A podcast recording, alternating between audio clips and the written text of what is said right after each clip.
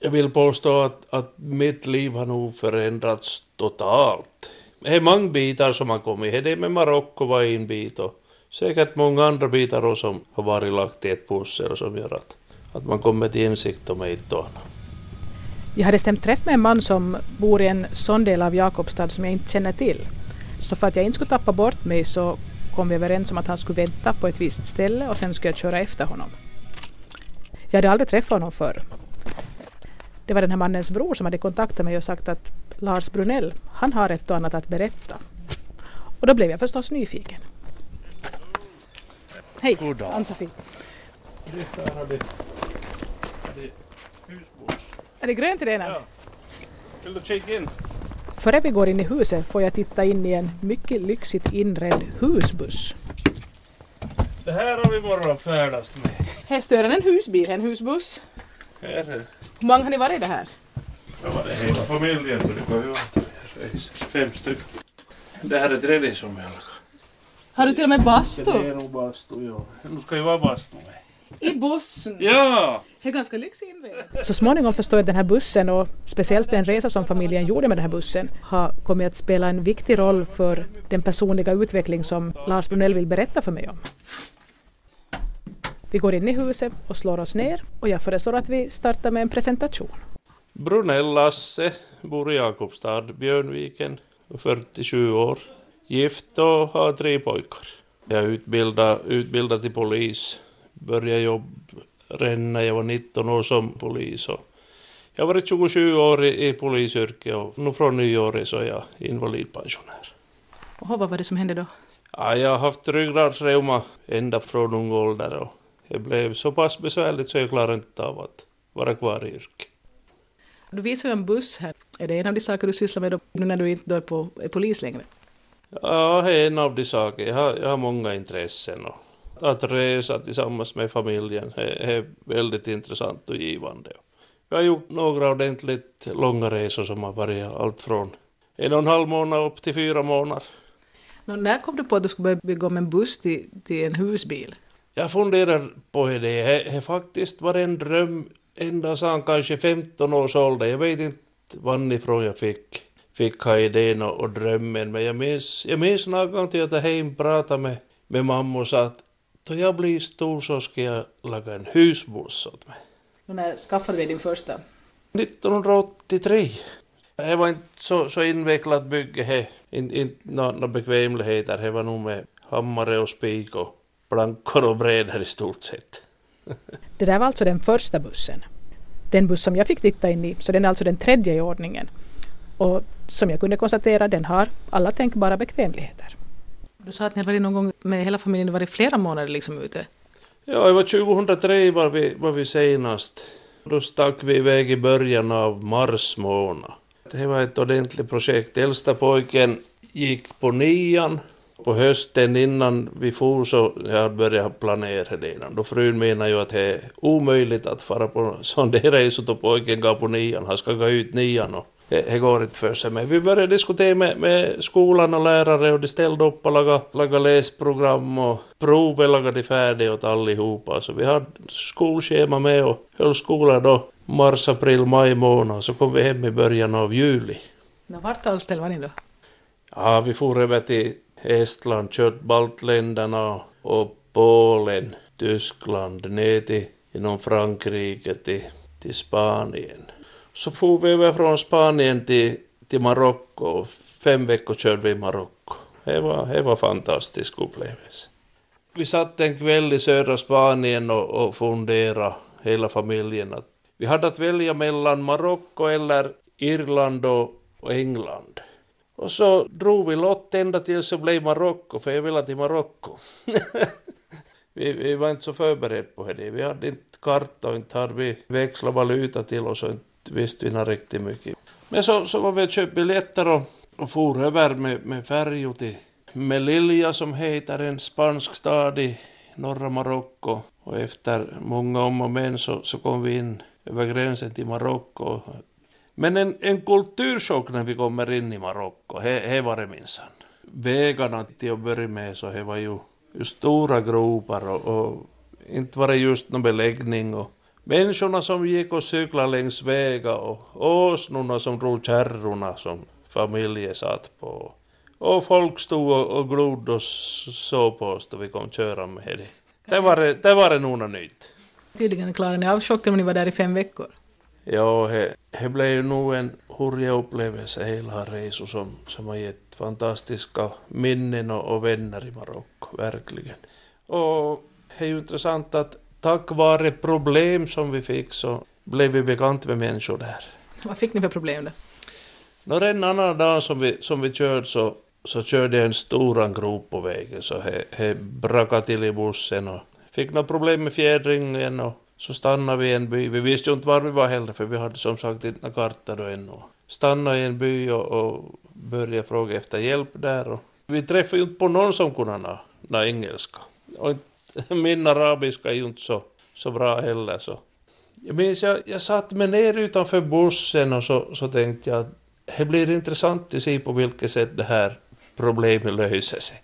För jag har lärt mig att om man får några problem så är det, det är bäst att lugna ner och så, så sitter man och väntar och ser hur lösningen kommer att se ut.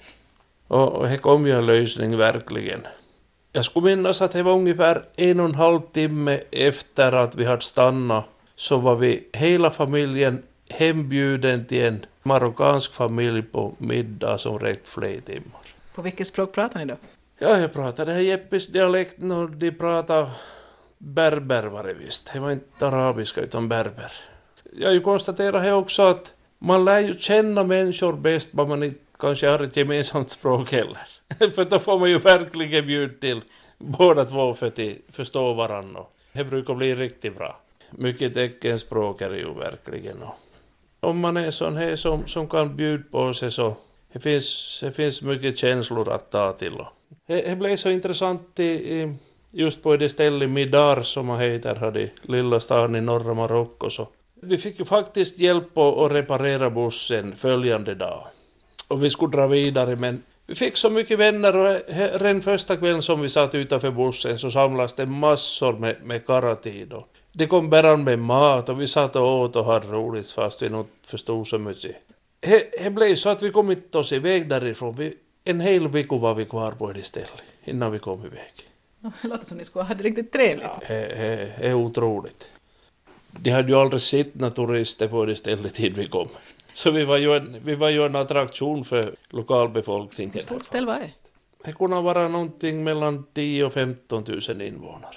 Nå, är det speciellt liksom, fint där? Är det liksom vid vatten eller är det bara nej, nej, nej, det är verkligen inte något fint där. Det är långt från vattnet och torrt och varmt och skitigt och eländigt på, på många vis. Fattigt och... Men människorna är fantastiska där. Det var nog en sån upplevelse. Jag fick nog...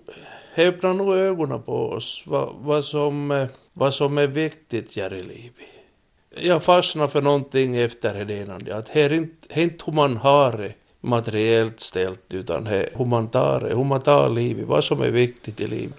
Fick börja fundera om lite med våra värderingar och, och det har nog präglat oss allihopa pojkar och för de fick ju också uppleva det Ungdomar som, som kom till bussen och tog hand om pojkar och for iväg med dem och hela kvällen och hela dagen var de borta. He, alltid hemma hos någon och äta. De bjöd dem på mat och förde runt hela stan. Och märkligt nog aldrig tyckte vi att vi behöver vara oroliga för att, att det skulle hända något. Så hade medmänskligheten och omtanken om, om medmänniskorna som de hade, så det var det viktigaste av allt. Det har nog verkligen varit en, en ordentlig inre resa till det vill jag påstå. För, för min egen del och, och frun också. Så jag började fundera på just det här med värderingar och att nu har jag börjat läsa. Jag, ett par års tid har jag läst nu. Jag läste ju inte när jag gick i skolan så jag, jag började läsa nu istället. Och, och ett leder till det andra så jag vill påstå att, att mitt liv har nog förändrats totalt. Det är många bitar som har kommit. Det med Marocko var en bit och säkert många andra bitar också som har varit lagt i ett pussel som gör att, att man kommer till insikt om ett och annat.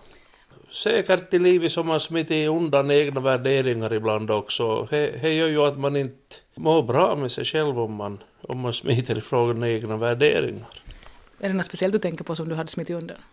innan man har tänkt igenom riktigt tydligt det här med värderingar och, och deras betydelse för, för hur man upplever livet så, så är det ju lätt att man fogar sig till, till andra människors eventuella förväntningar eller andra människors värderingar och, och därmed lämna vad man, vad man själv egentligen skulle stå för. Man, man står inte upp så hårt för, för det vad man tycker egentligen.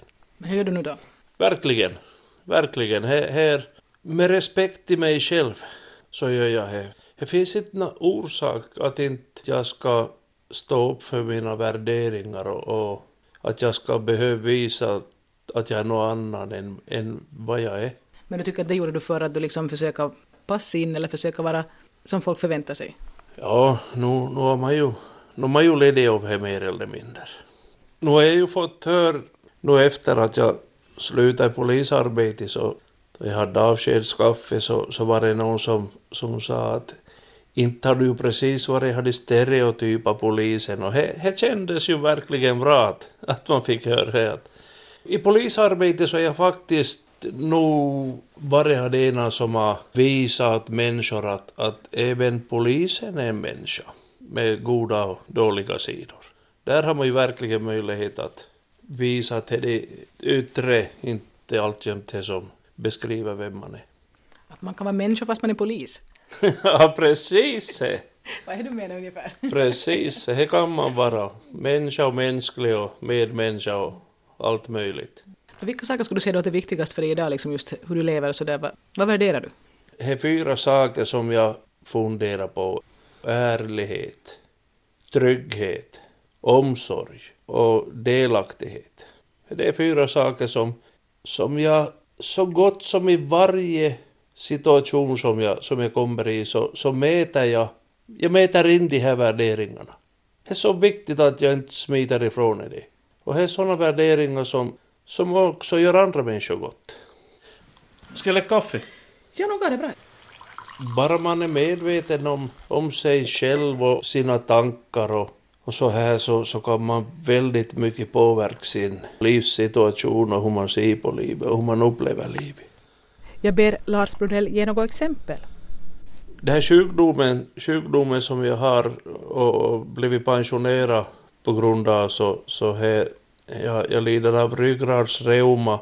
Alltså, vad betyder det i praktiken? Hur? No, det betyder att, att det inflammationsprocess från, från topp till tå i de här största lederna. Och det är från och till, ibland är det bättre och ibland är det sämre. Och det är intressant hur man ser, ser på allting det här.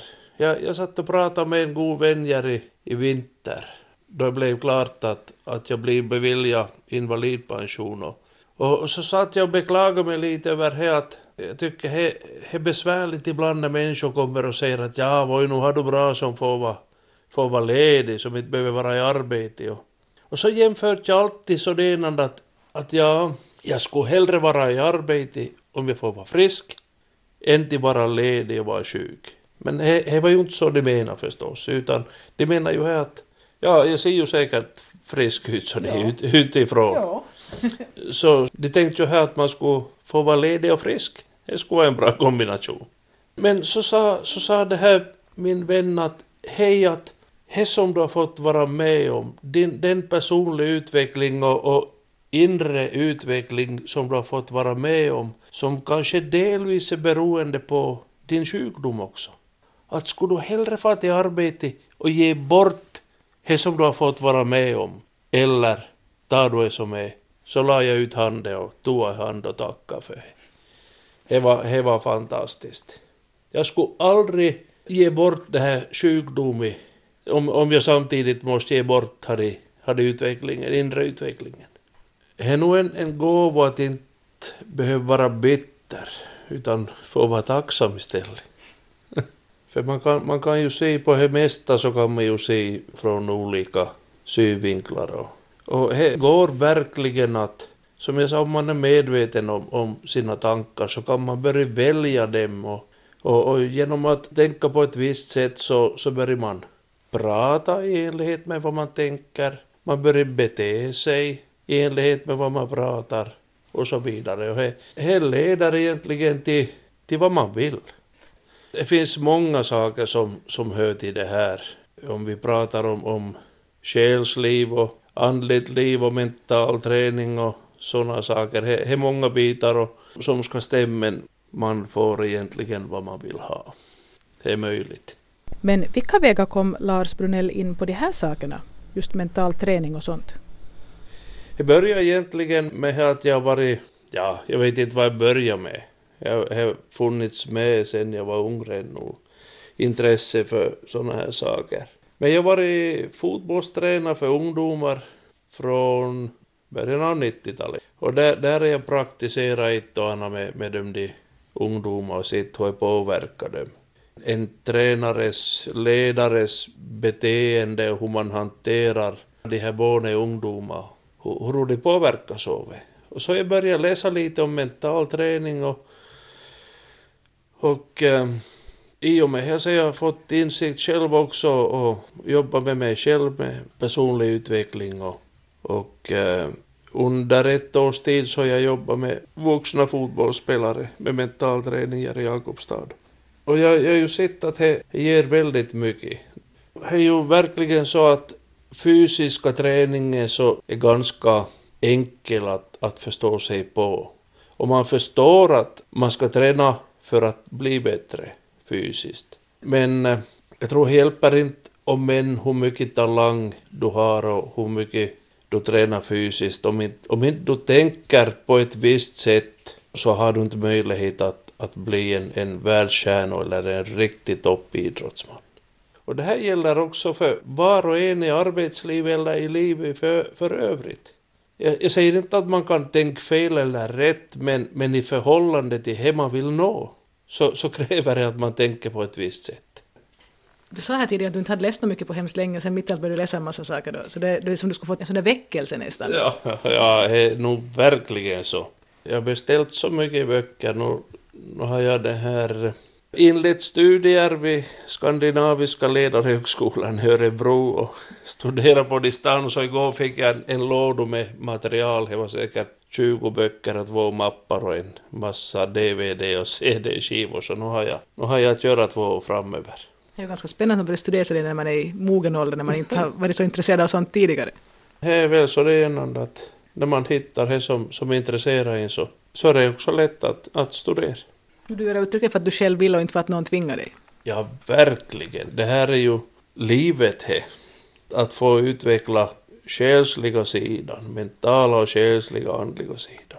När Lars Brunell började komma in på det här med själsligt och andligt så passade jag på att fråga ifall han, som så många andra i Österbotten, har blivit uppfostrad religiöst. Det har de faktiskt frågat då och då av mig att är du religiös du och jag sitter, sitter i botkan med någon som, som har varit inte i förfylleri och som har varit riktigt eländig och dålig. Och jag, bara av medmänsklighet så jag vill sitta och diskutera med dem ibland. Och, även om inte någon har hört till polisens arbete. Så de frågade jag. Och jag sagt, nej, jag tänkte inte det är något speciellt. Och jag, jag är inte uppfostrad i några religiösa sammanhang och hemma, absolut inte. Det var till och med så, jag har ju varit intresserad av religion också. Och gav i söndagsskola ända tills, tills de ville ha mig till söndagsskollärare. Jag var så gammal så då förstod jag till slut först. och så man ju i skriftskola, i, i skolan hade man ju religionsundervisning men det var en teori som inte jag någon gång tyckte att jag kunde ta till mig och, och kände av i mitt liv så det ena då. Och när jag blev äldre så skrev jag ut mig ur, ur församlingen för jag tyckte jag behöver inte betala kyrkskatt, jag lägger pengar i annat istället. Så det var en period på kanske 10-15 år som, så, som inte jag var medlem i, i församlingen. Ända tills i höstas. Nu när jag började med det här personlig utveckling för egen del och, och hjälpt andra med så har jag ju märkt, jag, jag, jag kom på mig själv att jag, jag har pratat åt, åt de här människorna som, som jag har hjälpt med, med mental träning. Jag har pratat om självkänsla. Och dit hör ju att ge förlåtelse och, och få bli förlåten. Och allt det här som jag har pratat om så, så märkte jag plötsligt att vänta tas nu, det här är ju sånt som, som man har läst om i Bibeln någon gång. Och så slog jag i bara mitt i allt, jaha, det var det här.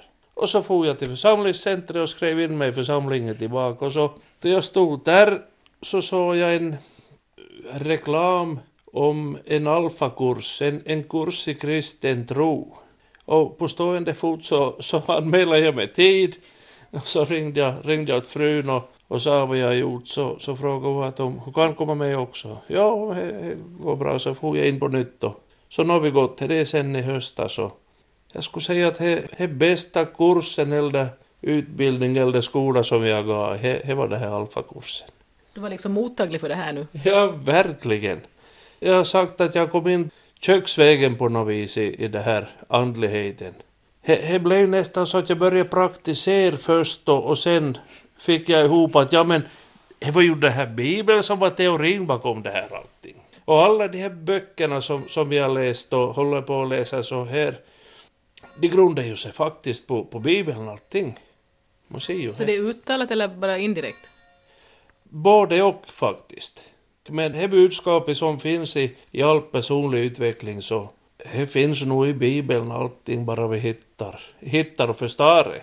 Men du måste komma via lite annan, annan litteratur? Jag måste göra det, ja. Det, det var ju vackert så. Och allt är bara för att husbussen råkar gå sönder i, i en, en liten stad i Marocko? Ja, så, så kan man se så kan man se Det var nog en stor bit i, i det hela. Men det är klart, det är många bitar som, som jag nog efteråt kan se att passar in i det här pusslet. Men så, hela den här utvecklingen började egentligen då du var redan ganska fullväxt, alltså du var kring 40, eller? Ja, det här, det här riktigt ordentliga utvecklingen så, så är nog egentligen under det här senaste två åren. Ja. 45 då? Ja, mm. så är det. Men de säger ju så nog vissa som vet att det, ibland så tar det ganska många år för man blir fullväxt och blir sig själv. Visst är det så. Visst är det så. Och vissa blir aldrig. Nej men det var det jag tänkt, tänkt att tyvärr så är det ju så att, att det är ju många som har de sista dagen då, då vi lämnar jordelivet ligger och är bitter över livet. Det måste vara någonting av det mest hemska som man kan uppleva. Istället för att man skulle kunna med ett leende på läpparna vara tacksam. Att det har varit bra? Yes. Mm. Jag, jag tänkte så det ena att det var någon som, som sa så det att när, när man föds så, så skriker man och gråter och, och lever om och människor omkring en är glada och lycklig för att man kommer till. Och då vi skulle kunna leva således och utvecklas således, så när vi dör så skulle vi vara just här som ligger med ett leende på läpparna. Och människor omkring oss gråter lite lätt av, av saknad. Att man har betytt så mycket i någon människas liv så de känner saknad. Jo, det skulle vara bra om det skulle bli på sättet. Yep. Jag blir tvungen att byta batteri i min inspelningsapparat. Och jag har mikrofonen avstängd en stund medan vi dricker kaffe. Lars Brunell blir mer och mer ivrig när han berättar om den personliga utveckling som han har varit med om de senaste åren. Jag är ju så intresserad av livet och, och intresserad av det mesta så jag kommer ju inte att hinna göra allting som, som jag skulle vilja men, men jag märker ju att jag hindrar väldigt mycket. Det finns så mycket att göra. Oj, oj, jag önskar att allihopa skulle få smakarna lite på det här som jag har fått, fått vara med om. För bara man får början i, bara man kommer till början i, sats två veckor av ditt liv till att ta reda på vad är meningen med ditt liv, vad vill jag, vad har jag för värderingar, börja leva enligt dina värderingar. Det sker sådana saker så snabbt så att du vill aldrig sluta av att, att utvecklas efter det. Och då, då kan du komma till att, att få uppleva livet hur fantastiskt som helst. Det är så märkligt tycker jag att när jag ser tillbaka på mitt liv och jag var lycklig i mitt liv, det var hur bra som helst, familjelivet toppen, till och med så, så att man kunde höra och se folk avundas att oj vad ni gör, det borde man ju. Det har funnits någonting av det innan då. Och kärleken till min fru och jag tyckte att varit, det var kanske så det är allmänt där i ett förhållande att det har varit bra. Och plötsligt, då man kommer till ett skede så, så ögonen öppnas och nästan, nästan så, så är över en natt eller dag sker en, en total förändring. Hur man ser på sig själv. Det är så sjukt att vara med om det, som man tror man ska dö och rivas sönder. Men efter det om man får känna sig förlåten för det som man har ställt till med.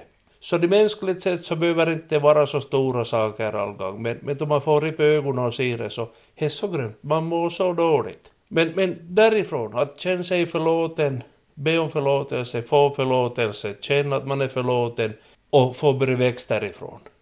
Då, då lever man. Nå, I vilket skede, när hände det här åt dig? Du höll på att rivas sönder. På påsklördagen. nu nyligen? Ja. Det låter ju dramatiskt. Det var dramatiskt. Men, men det hör ihop med det som jag sa att från och med i somras så jag, jag har bett om att skulle få komma till den punkten så att jag kan ge gravlös kärlek till min hustru. Och min högsta önskan. Att inte rätt upp med på att bröd så jag var sned. Eller att ostbeta blir som en gungstolsmed. Eller att du kör så när framförvarande bil så att det kommer in avgaser i vår bil. Och att inte våga vågar köra ut i en korsning fast bil som kommer längs den korsande vägen har blinkers på. Hon väntar och skådar tills han kommer. Oj vad jag retar upp mig mot det. Och idag är det så fantastiskt att få se hade ostbeta i kylskåpet som ser ut som en gungstolsmet och se att hon finns kvar i mitt liv. Sporre finns oven. Så det kan det förändras. Och på påsklödan. Så var det ja. ja, det låter intressant i det Nad. Ja, det är nog så. Jag tycker det skulle kunna hända allt möjligt när man börjar läsa och utbilda sig och, Ja, verkligen. och verkligen. satsa på den personliga utvecklingen. Oh ja, oh ja. Finns inga gränser. Nå, är hon lika glad över din personliga utveckling som du är själv? Jo, he- Hero, jag kan ju, jag kan ju säga sådant att jag har svårt att hålla hemligheter. Är ju så att jag såg ju he, jag har haft önskemål om hur hon ska vara. Hela livet. Ja, he, he går inte si och så, då, det är så, då är inte med på någonting och he går inte diskutera på djupet och allt möjligt. Plötsligt så såg jag att det är jag som har försökt vingarna till någonting. Jag tejpade mun hennes, jag bundit henne på ryggen och det och bockade in i källar. Hon har inte hade någon möjlighet att utvecklas till den människa som hon ska bli. Och jag ser ju nu, då jag, då jag släppt på allting det här, kan ge kravlös kärlek, hur, hur människor växer. På några veckor så blir hon till precis den som jag försöker tvinga till hela tiden. Hon har, har funnit sidorna, naturligtvis. Men om man, om man begränsar och är fel hela tiden då, då, då man gör någonting så hur ska man sen våga, våg leva heller? Lösningen till, till allting är ju he, att du kan ge kravlös kärlek från djupet av ditt hjärta. Det låter svårt och det är inte lätt, men jag tror att man kan komma ganska nära åtminstone. För eh, det handlar inte om en teknik att jag ska ge kärlek åt någon för att de har vinning av. Den tekniken är det många människor som använder sig av. Ha funkar inte bra. För det, he, he finns kommunikation som vi inte ser och inte hör, men som vi känner. Det är bara så. Första gångerna då jag, då jag känner det att från hjärtat hjärta, så är det här som jag vill från hjärta. Och så kände jag att jag kan ge någonting åt en annan människa från mitt hjärta, så kan den människan få kraft av det. Och direkt har jag hundrafalt tillbaka kraft av det. Just att jag ser att andra människor får någonting av mig. Och det är ju det som jag tyckte var så hemskt, att jag har haft lättare att, att ge åt andra människor. Men till den människan som jag egentligen mest älskar av alla, så jag hade svårast att göra. Och det jag plågar mig hårt. Och jag visste inte hur hårt och hur sjukt det skulle ta då ögonen skulle öppnas. Men det är på påsklördagen, jag kan säga jag inför hela Finland, låg i sängen och gråt och vred mig och det tog sjukt och hjärtat ville gå sönder. Samtidigt så kände jag att det här är enda rätta vägen. För nu ser jag precis vem jag har varit. Så det är sjukt tare till sig. Så jag bad dem att vridna lite till och med finns något kvar. Ta allt på en gång. Och ha tog allt. Men nu, nu fyllde det på. Nu fyllde det på med livet. Det är hurj.